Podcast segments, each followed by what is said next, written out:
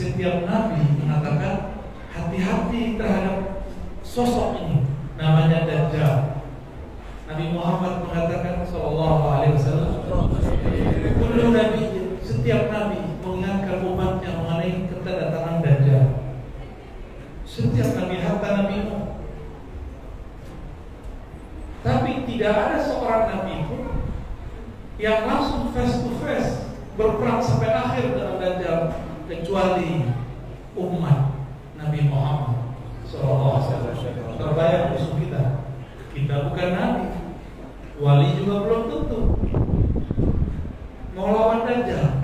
Itu Nabi Musa aja melihat dajjal mundur. Nabi Zakaria disuruh melihat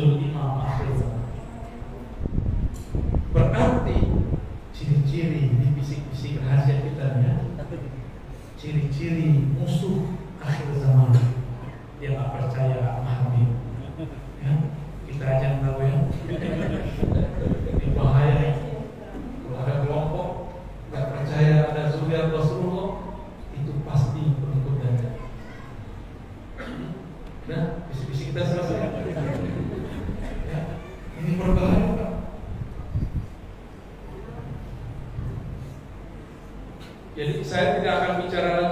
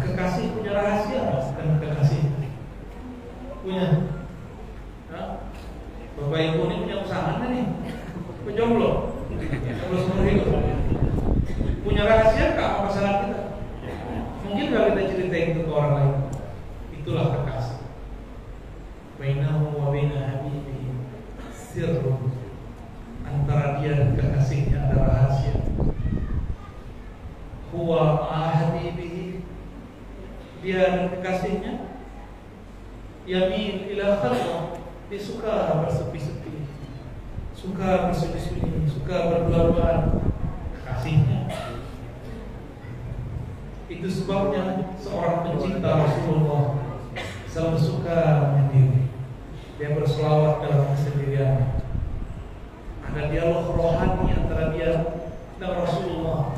Jawab-jawaban Allah salli ala sayyidina Muhammad. Seakan-akan dia mendengar Rasulullah menjawab. Ya, Nabi sendiri yang mengatakan hatta arudda alaihi salam aku nanti balas salamnya karena Nabi ini ruhani maka yang hanya dapat mendengarnya orang yang sudah mempunyai kesadaran rohani orang-orang seperti inilah yang nanti akan dapat membersamai imam akhir zaman ya yang rohaninya sudah sadar bukan main cocok logi lagi enggak karena dalam hadis Imam Ahmad dikatakan nanti ya setelahku kata Rasulullah akan ada khilafah Rasyidi kekhalifah Rasyidi sudah lewat Sayyidina Ali wafat habis setelah itu mulkan Ardon kerajaan monarki kerajaan itu bukan sistem Islam itu diadopsi dari Persia diadopsi dari Romawi statusnya sama dengan demokrasi jika kita harapkan demokrasi maka harap juga kerajaan jadi orang-orang yang mengharapkan demokrasi dia telah berpikirnya kalau ente harapkan demokrasi harapkan juga sistem kerajaan mamlaka sultan harus diharapkan Turki Utsmani mundur ke belakang Abbasiyah Umayyah semuanya adalah mamlaka dan mereka masih kadang-kadang masih abah masih memegang masih menggigit ingin berusaha untuk mempertahankan syariat tapi ya, setelah itu mulkan jabbar kalimatnya mulkan kerajaan. Bukan demokrasi. Kerajaan yang diktator dan tidak ada sebelum negara-negara modern muncul. Kecuali dulu kerajaan-kerajaan itu semuanya diktator ya semuanya. Katanya orang mau mengembalikan daulah Turki Utsmani. Saya tidak itu yang saya mau. Karena dinasti Utsmani itu juga ada kezaliman-kezaliman di antara mereka. Ya. Keadilan-keadilan dalam diri mereka. Gak sempurna. Saudara bunuh saudara, paman bunuh ponakan. Itu terjadi di masa Abbasiyah, di masa Umayyah di masa terakhir Turki Utsmani. Bukan itu daulah yang mau kita bangun. Bukan bukan daulah Islamiyah begitu yang kita impikan, ya. Maka di, di masa transisi itu muncullah demokrasi. Walaupun sejarahnya sudah lama tapi berkembang sekarang di semua negara. Inilah cara Allah menghancurkan sistem diktator. Sekarang ini sediktator-diktator pemerintah masih bisa di demo. Benar nggak? Bapak ini nggak mau vaksin nggak apa-apa. Cuma tidak dapat peduli lindungi. ya. Tapi orang Indonesia sebandel-bandelnya sudah 80-90 persen, Pak. Di kampung tempat virus itu muncul, itu belum selesai itu. Mungkin 70% aja belum barangkali. Inilah rahasia Allah. Negeri kita dibuat berpulau-pulau. Karena virus satu pulau tutup, selesai. Orang kita ini hidupnya santuy. Ya, benar. Sangat-sangat santai. Hujan ya. Masya Allah. Santai ya? Santai. Karena musim kita cuma dua, Pak. hujan dan hujan lagi. Kalau di Eropa musimnya empat, hujan. Ya, bukan hujan, nggak ada musim hujan. Musim dingin, musim semi, musim, Hah? Yang benar nih. Waduh, geografinya nggak ada yang benar ini ya. Ya sudahlah. Empat musim mereka. Maka mereka tuh nggak ada hidup santai. Nggak ada hidup santai. Jepang yang mereka jualan mobil ke kita, kita kan beli mobil mereka, Pak. Itu penjajahan baru atau kenikmatan baru, terserah Bapak. ya. Kalau kita beli berarti kita menikmati. Itu mereka setiap hari bolak-balik mobilnya punya, tapi nggak dipakai. Mereka naik kereta. Orang Jepang sebagian sudah mulai sadar. Mereka yang tadinya ketiduran di kereta tidur berdiri, Pak. Saya yakin orang Balikpapan tidak ada yang pulang kerja tidur lagi naik motor. Nggak ada ya? Santai kita ini. Mereka tidur lagi duduk langsung ngorok. Begitu lelah hidup mereka, keras. Oh gaji mereka tinggi. Gaji tinggi kan kalau di kurs rupiah. Tapi biaya hidup biasanya kan luar biasa. Kita bisa hidup 2 juta di sini. Di sana 20 juta sama. 2 juta di sini 20 juta saya sama, Pak. Pilih mana? Mau di Jepang pada sini? Antum ini. Baru dia takut-takutin dikit. Bapak tahu nggak kalau di Prancis itu hidup berat?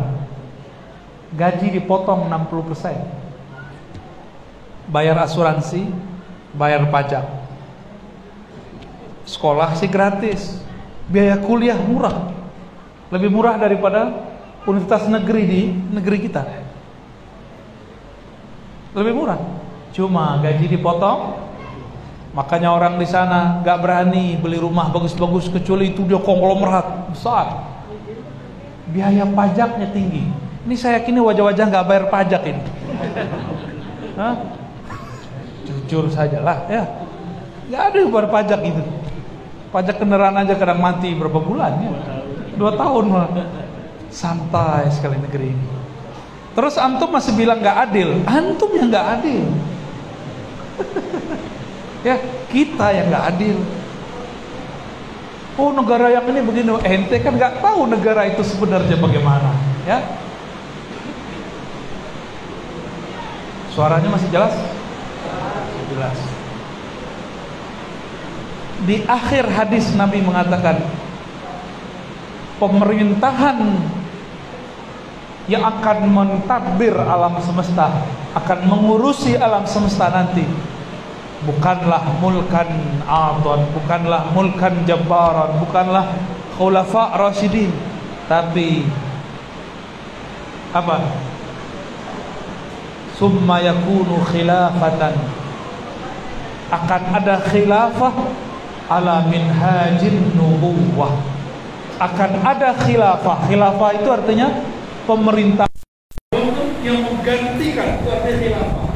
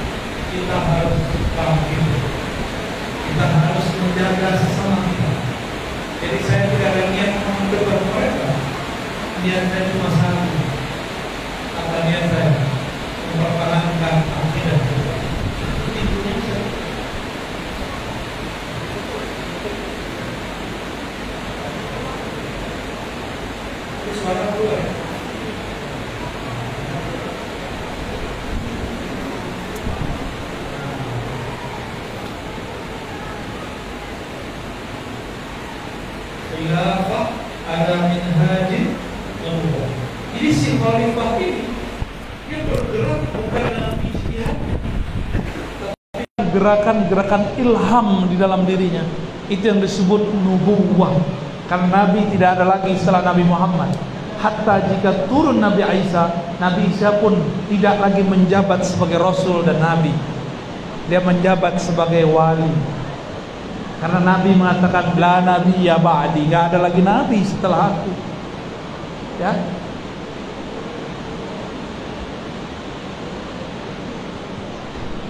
Jadi Dajjal itu sosok asli Pak, itu ada benar. Mahdi itu juga sosok asli ada orangnya. Jangan sok-sok menafsir lagi di kampus banyak sekali kawan saya. Oh itu sebuah sistem.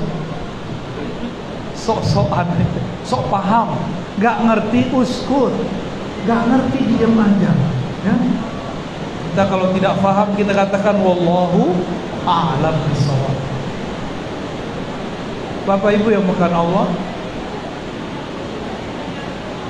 Dikatakan di dalam hadis Bahwa imam akhir zaman itu Ciri-cirinya Ismuhu yuwati usmi Isimnya Yuwati Sesuai sama dengan isimku.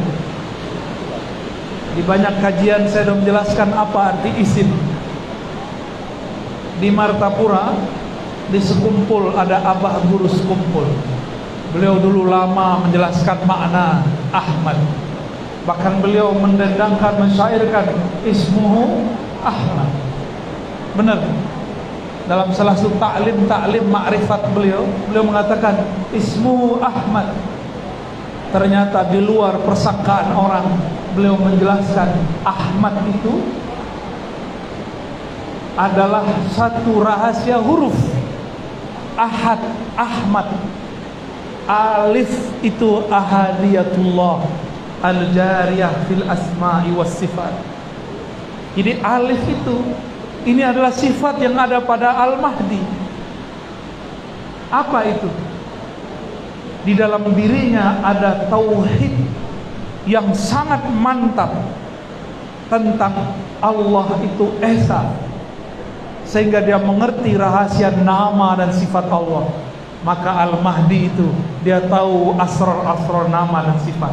Dengan itulah dia nanti perang Pak. dengan huruf-huruf itu. Kita belum kebagian ilmunya ya. Karena kita belum tentu bagian dari mereka. Itulah rahasia. Kenapa alif lam ra alif lam mim kaf ha ya ain sad ini beliau namanya Pak Haji Hamim ya. Tuh Hamim. Itu orang Arab bingung artinya apa. Ahlu syariah mengatakan wallahu a'lam bimuradi. Allah lebih tahu maknanya. Tapi bukan berarti itu maknanya.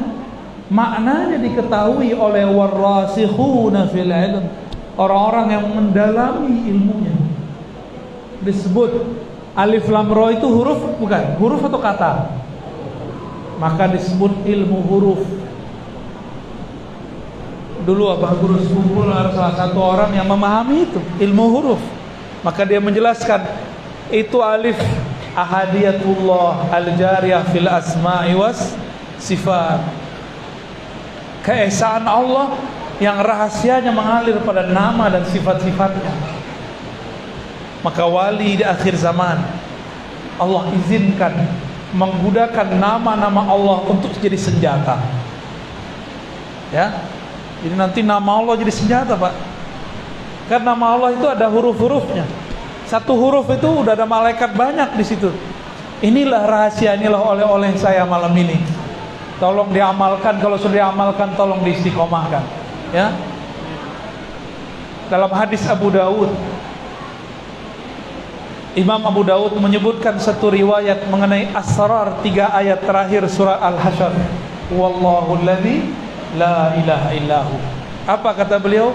Rasulullah bersabda, apabila ada seorang hamba membaca a'udzubillahis samiil alim minasyaitonir rajim tiga kali, lalu membaca huwallahu alladzi la ilaha illahu sampai akhir, maka Allah akan kirimkan sabauna alfan 70 ribu malaikat untuk mengawal orang ini. Jika dia baca pagi Allah kawal dia sampai sore. Jika dia baca sore Allah kawal dia sampai pagi. Mau pak? Mau ngamalin? Mau ngamalin ya? Amalin. Itu dahsyat sekali. Ada apa dalam tiga ayat terakhir ini? Ternyata itu adalah ayat satu hurufnya ada ribuan malaikat yang memikulnya. Hu Allah pada hu pada waw pada alif pada lam pada lam ha. Itu ada ada asrar asrar semua. Ada rahasia rahasia Allah semua. Ilmu ini sempat hampir punah. Semoga ilmu ini bangkit kembali. Ya bukan untuk buat raja loh pak ya bukan buat jimat bukan ya. Wali Allah nggak butuh jimat. Walaupun ada hukum khusus mengenai jimat. Apakah dia haram atau halal apakah dia musyrik atau tidak musyrik ada hukumnya. Ada kalanya dia musyrik ada kalanya dia tidak musyrik.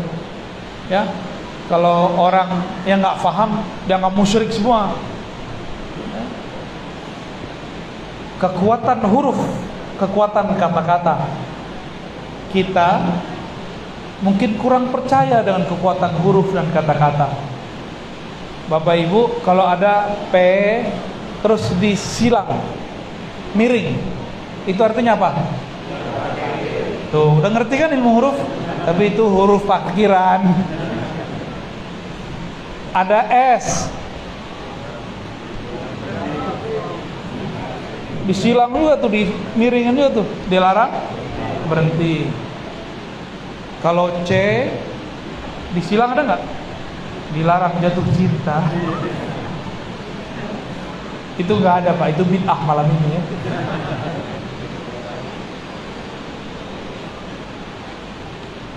Kita ini memerlukan huruf-huruf itu. Beliau namanya Hamim orang tulis pakai KH Ka, Kamim mau nggak Pak Haji? Nggak mau satu hurufnya nggak mau ditambahin. Ya begitu kita menghargai satu huruf. Oleh karena itu salah satu ilmu para wali di akhir zaman adalah mengerti rahasia-rahasia huruf.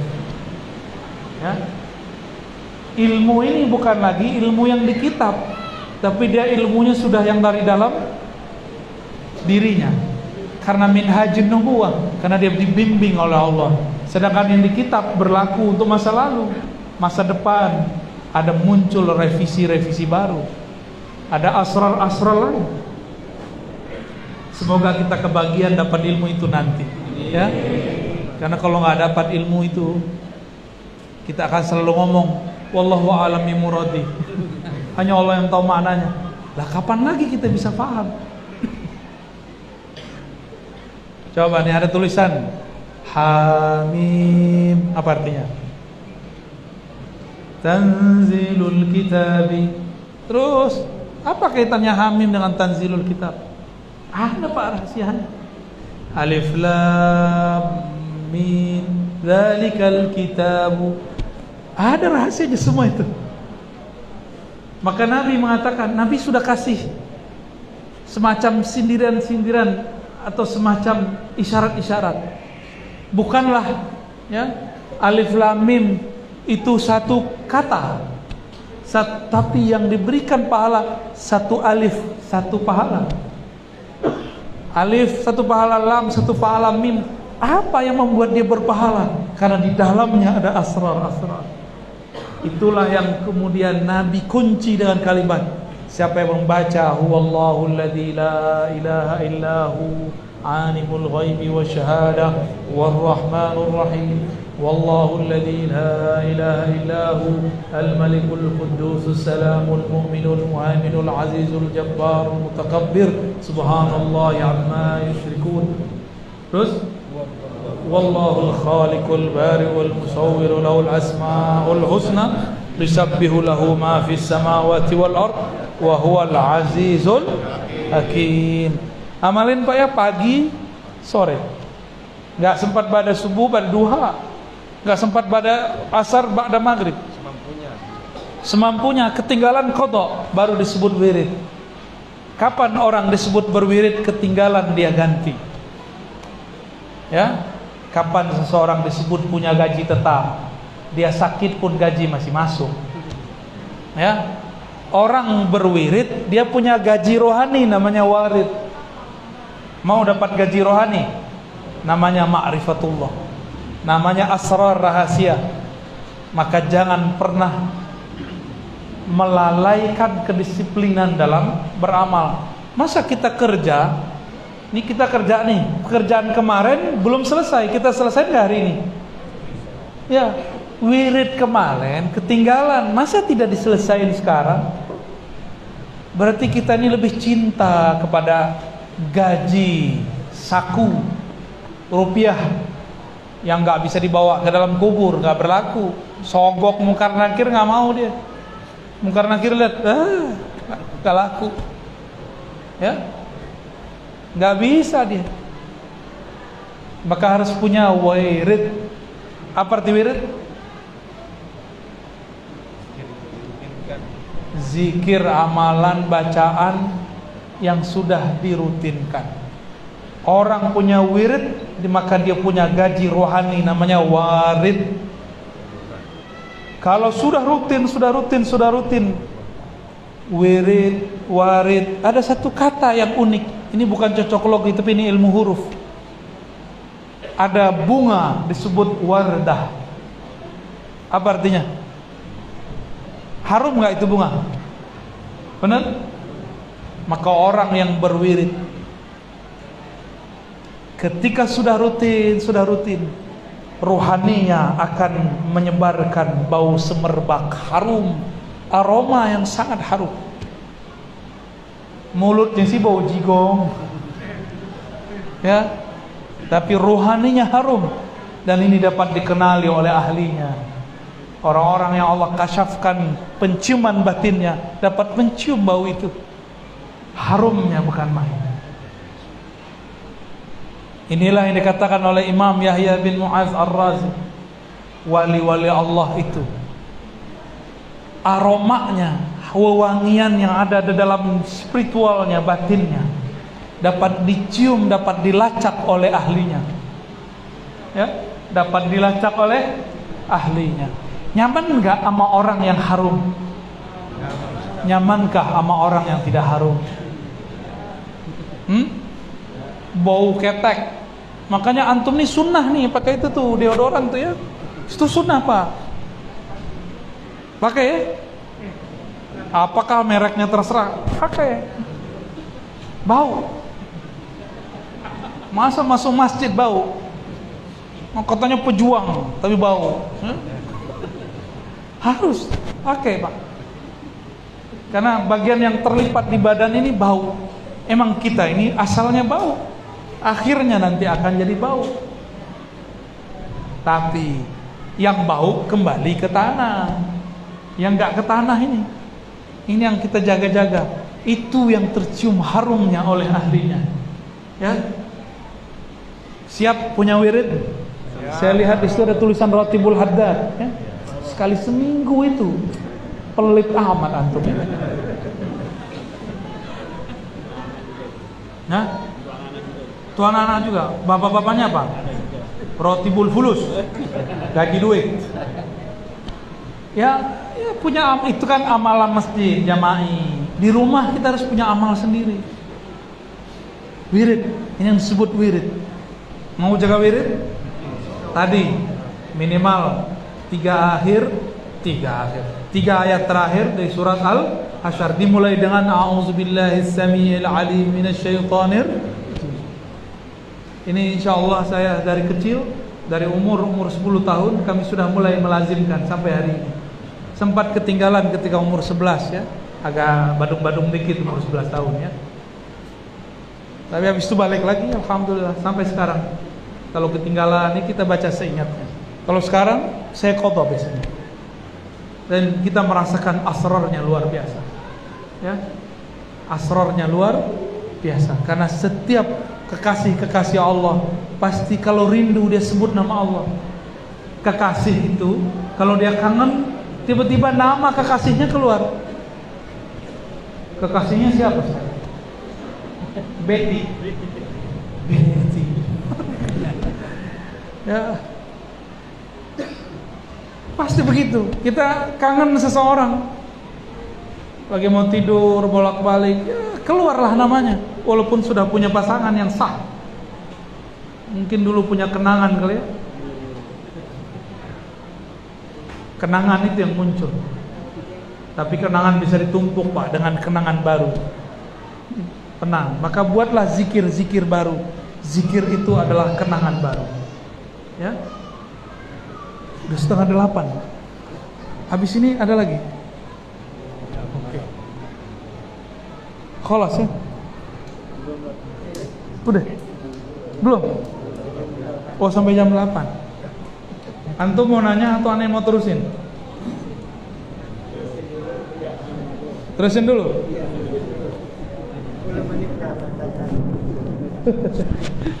Curang ya. Baik para sahabat itu amalannya sederhana pak. Sayyidina Ali punya amalan namanya zikir Fatimah. Sebelum tidur dia baca subhanallah tiga tiga alhamdulillah tiga tiga Allah Akbar tiga ditutup la ilaha illallah. Sayyidina Ali tidak pernah tinggalkan hatta dalam musim perang. Ketika perang Siffin beliau sempat tertunda tapi beliau kodok segera jadi salah satu asrar wiridnya Sayyidina Ali sederhana nggak? Subhanallah tiga tiga alhamdulillah tiga tiga Allah tiga la ilaha illallah. Tapi rutin sebelum tidur. Kita gimana mau jadi wali? Sebelum main tidur main handphone. Antum menjadi wali Google aja lah. Wali Facebook. Ya. Kutub Gaussnya itu. Siapa yang punya Facebook? Siapa Mark siapa tuh waduh. Katanya dia sekarang mau buat yang baru namanya metaverse. Ya. Kata kawan saya kau ini masih maulid maulid aja. Si Mark udah buat metaverse. Lah apa urusannya sama saya. Buat buat aja metaverse. Nggak ada urusannya sama kita. Nggak nyambung mau batalin maulid tapi pakai metaverse nyambung nggak? Ada lagi kawan saya setiap tahun kita ditanya orang hukum mengucapkan ini, mengucapkan ini. Kita jawab dengan fatwa ulama. Kata dia, sama pakai metaverse juga. Hari gini udah ada metaverse, udah ada Google, udah ada Android, masih aja bahas-bahas begituan. Gak level. Ya bagi dia, ya. Jadi dia menggunakan suatu hujah yang gak nyambung. Nyambung gak? Facebook, metaverse sama sama fatwa nggak nyambung. Yang ada itu ntar difatwain bid'ah sama orang ya. jadi kita ini kalau mau sok-sok kritis yang benar kritisnya. Umat bertanya harus dijawab. Jangan dicuek-cuekin doang ya. Taib Bapak Ibu yang bukan Allah. Itu Sayyidina Ali punya wirid sesederhana itu namun yang membedakan Sayyidina Ali bukan hanya wiridnya. Tapi Sayyidina Ali dari kecil beliau memahami ilmu Rasulullah sallallahu alaihi wasallam. Inilah yang membuat Sayyidina Ali menjadi babul ilm. Pintunya ilmu. Wajahnya tidak pernah sia-sia. Selalu menghadap kepada yang baik. Maka Allah muliakan dengan karramallahu wajah. Ya. Sayyidina Ali Beliau itu karena rutin berzikir, berzikir, berzikir. Allah berikanlah rasa yang tetap. Nah, ini rahasia. Tapi sudah dibuka. Kenapa kita tidak bisa istiqomah khusyuknya? Karena kita tidak punya keistiqomahan dalam berwirid. Karena tidak istiqomah dalam berwirid, maka rahasia khusyuk tidak turun secara konstan, secara abadi, secara terus-menerus. Khusyuk itu kan salah satu rahmat Allah. Dekat kepada yang punya nama, dekat kepada yang punya rahmat, dikasih. Cuma kan kita jauh. Sayyidina Ali satu kali dia perang punggungnya kena panah. Bisa bayangin Pak, kena panah. Kukunya atau jarinya pernah kemasukan jarum nggak?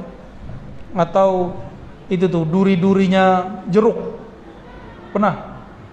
atau lagi megang kayu nih tahu-tahu keluar tuh zut pernah nggak? Sakit nggak?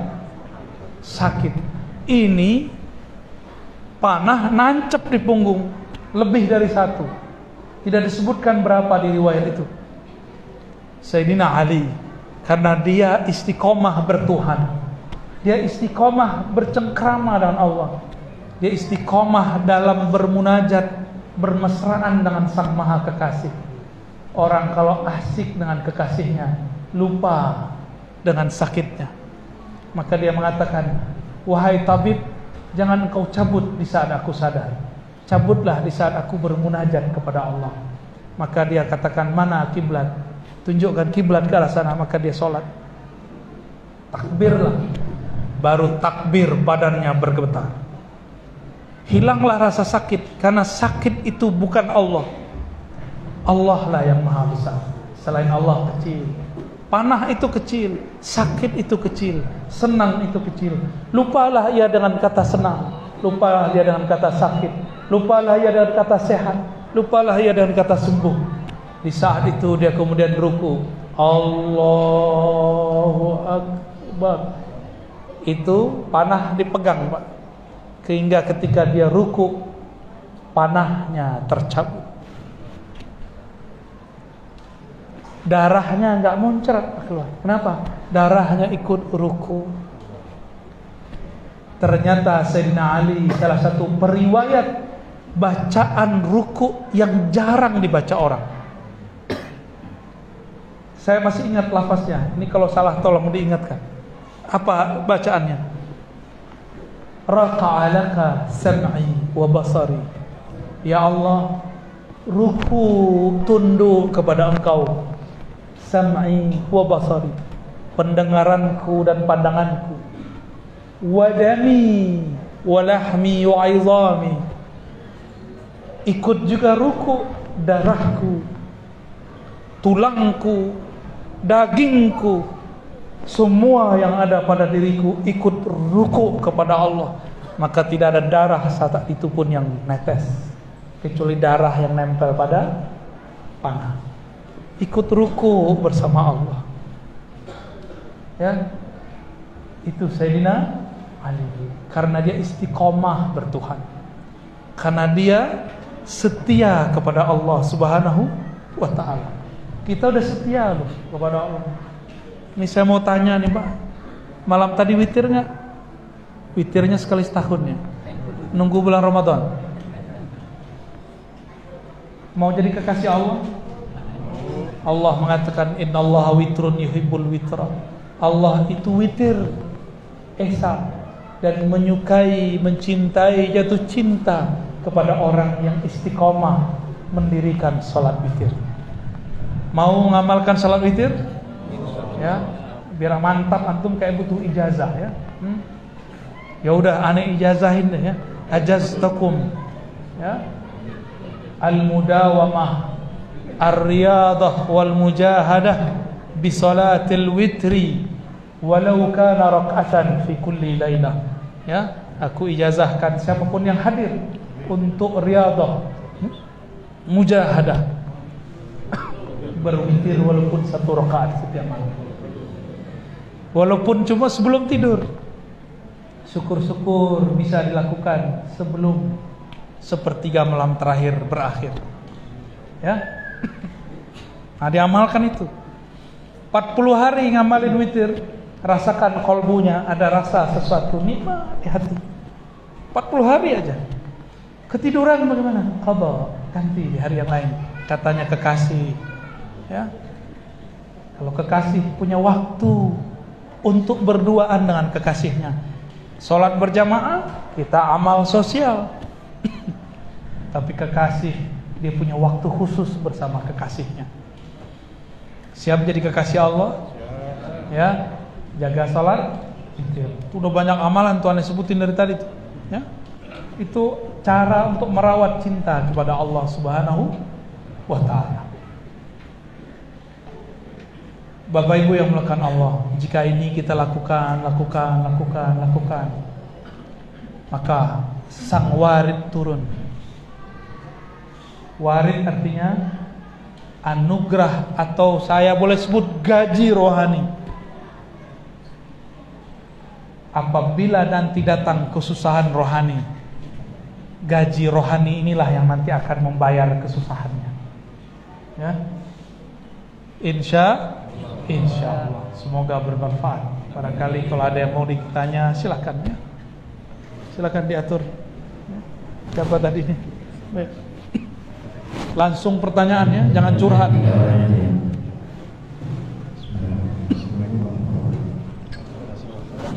Ya, kesempatan yang luar biasa ini. Saya uh, apakah ada apakah ada nggak usah dipakai aja.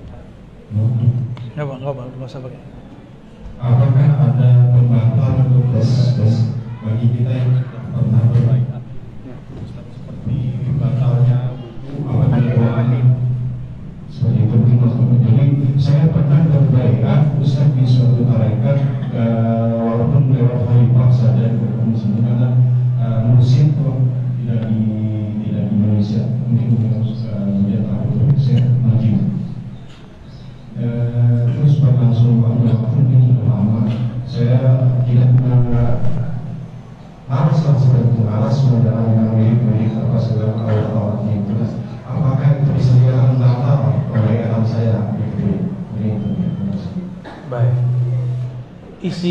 tarekat sebelum Imam Mahdi mempersiapkan barisannya itu semuanya torikot-torikot riadoh zikir-zikir ijazah-ijazahan bayat-bayat. Ya. Isi bayat ya talkin zikir ya kan isinya? Talkin zikir itu kan menanam biji cinta biji asma di dalam kolbu. Kalau tidak diamalkan itu biji nggak tumbuh. Bahkan dia membusuk. Maka perlu diulang kembali. Tapi saya tidak terima bayat. Di torikot saya taklim, ta'allum, talkin talkin itu nomor tiga. Khidmah talkin Ya, talkin itu hanya salah satu aja. Isi bayat sama dengan talkin bedanya di situ kita buang kalimat sumpah setia karena yang berhak menerima bayat itu cuma al-imam al-mahdi. Ini menurut hemat saya. Maka dalam torikot saya sudah tidak ada bayat. Yang ada cuma ta'alum, ta'lim, khidmah, talqin. Dan ada tujuh ya. Itu persiapan untuk menyongsong torikotnya Imam Al-Mahdi. Jadi itu itu biji talqinnya biji bayatnya sudah sudah gosong itu. Ya harus diulang itu harus tanam ulang. Ya. diperbaharui jaddidu imanakum. Perbaharui iman kamu. Gimana caranya? Cari orang ahli la ilaha illallah ulang lagi kalimat itu masuk. Ya ditanam lagi kalimat itu ke dalam kolbu. Nanti dia hidup lagi. Ya. Makanya kalau bayat talqin zikir gak usah gaya-gayaan harus syekh dari ini syekh dari itu nggak mesti kalau mau bayat zikir, mau talqin zikir, istikharah dulu. Jangan ikut-ikutan. Itu syekh-syekh yang dari luar negeri kan dia cuma ingin mendorong orang tempatan supaya rajin. Bukan berarti mau bikin umat tempatan kemudian ngikut dia mulu. Enggak, saya yakin mereka tidak bermaksud begitu. Ya. Torikot beliau kan Naqsyabandi. Al-Haqqani. Di Sumatera Pak, dari ujung Sumatera sampai Lampung Naqsyabandi semua dan sanatnya sama. Cuma kami nggak pakai udem-udem gitu aja. Maka saya ngobrol dengan ini kan ada orang murid-murid beliau nih Pak. Ini murid beliau. Ini. Ngobrol nyambung karena satu sanat. Bedanya ya kalau beliau adabnya sangat tinggi, kalau kita adabnya rendah, itu aja bedanya. Beliau menjaga saat hatta adab pakaian beliau jaga.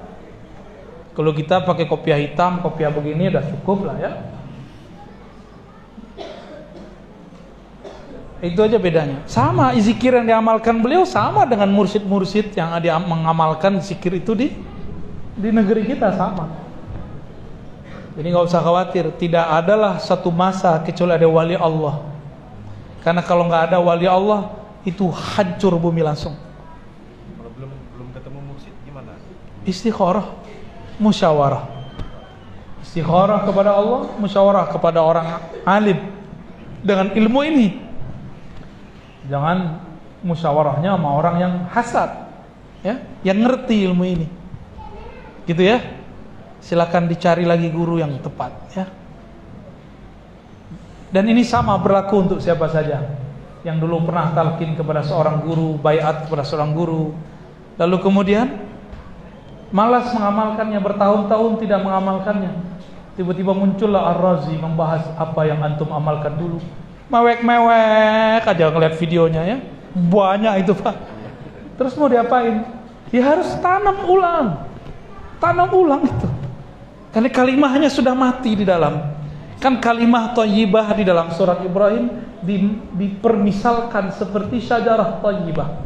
Pohon yang subur. Ya. Harus diinstal ulang kalau bahasa anak milenial ya. Harus di-download lagi. Kalau kita nih orang tua-tua, pohon ya tun toncepin lagi gitu ya. Tanamin lagi, siram lagi. Ada rumput tumbuh, jangan di apa namanya? Dipangkas sama sama yang kita tanam itu. Ini ada orang kesemangatan hijrah sama pohon-pohonnya dia dia pangkas ya. Syukur-syukur tumbuh lagi. Ini nggak tumbuh, Pak. Syukur-syukur tumbuh banyak cabangnya. Ini nggak bercabang sama sekali. Bapak Ibu yang bukan Allah itu pentingnya ya, berguru. Dicarilah guru ya yang dalam negeri lah masih banyak. Ini wali-wali Pak banyak sekarang di dalam negeri. Karena Nabi mengatakan al-hikmah yamaniyah. Hikmah itu yamaniyah bersifat Yaman. Tuh orang Yaman udah banyak pindah ke Indonesia. Baik yang Arabi Sayyid atau Arabi tidak Sayyid. Pindah ke sini. Dari masa sebelum para habaib ini dianggap Habib, masa Azmat Khan dulu sudah ada di sini. Ya, Alhamdulillah. Jadi nggak usah khawatir ya, nggak usah khawatir. Tenang aja. Wali tidak akan pernah sepi mengisi bumi. Karena kalau wali hilang, hancurlah pasak bumi. Pasak bumi itu ada pada kalimah Allah, Allah yang hidup di kolbu mereka. La taqumu hatta la yuqalu fil ardi Allah, Allah. Tidak terjadi kiamat sampai tidak ada lagi yang membaca Allah. Yuqal, yuqal diajarkan, dikatakan, berarti ada guru, ada murid. Maka kami mengistinbatkan hadis ini selama masih ada talqin zikir. Selama masih ada orang mengajarkan ma'rifatullah, masih ada guru, masih ada murid, masih ada sanad, masih ada ijazahan. Insya Allah kiamat masih bisa diundur, Pak. Ya, insya Allah. Ya, ya. Apa lagi? Fadal. Satu lagi ya. ya Assalamualaikum warahmatullahi wabarakatuh. Waalaikumsalam. Izin bertanya Bu ya. Ini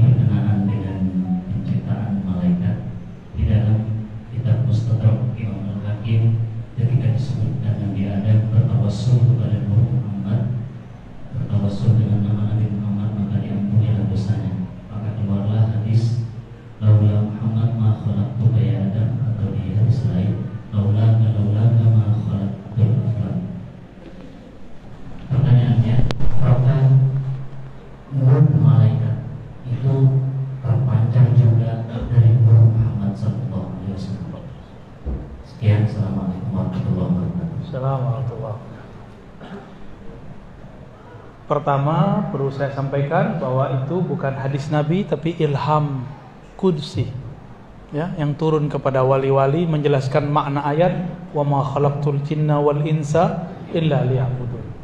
Maknanya laula kaya Muhammad ma khalaqtu al jinna wal insa wal aflaq.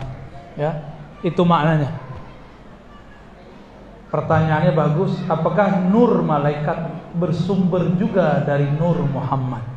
Sallallahu alaihi wasallam. Ini kita kasih tahu malaikat itu Pak beda sama kita. Kita punya tubuh kasar, dia punya tubuh halus. Jadi tubuh kita disebut jisim. Dia punya jisim, kita punya jisim. Tapi jisim kita beda dengan jisim dia. Jisim kita jisim jasmani, lalu kita punya juga yang halus yang latif, yang kathif.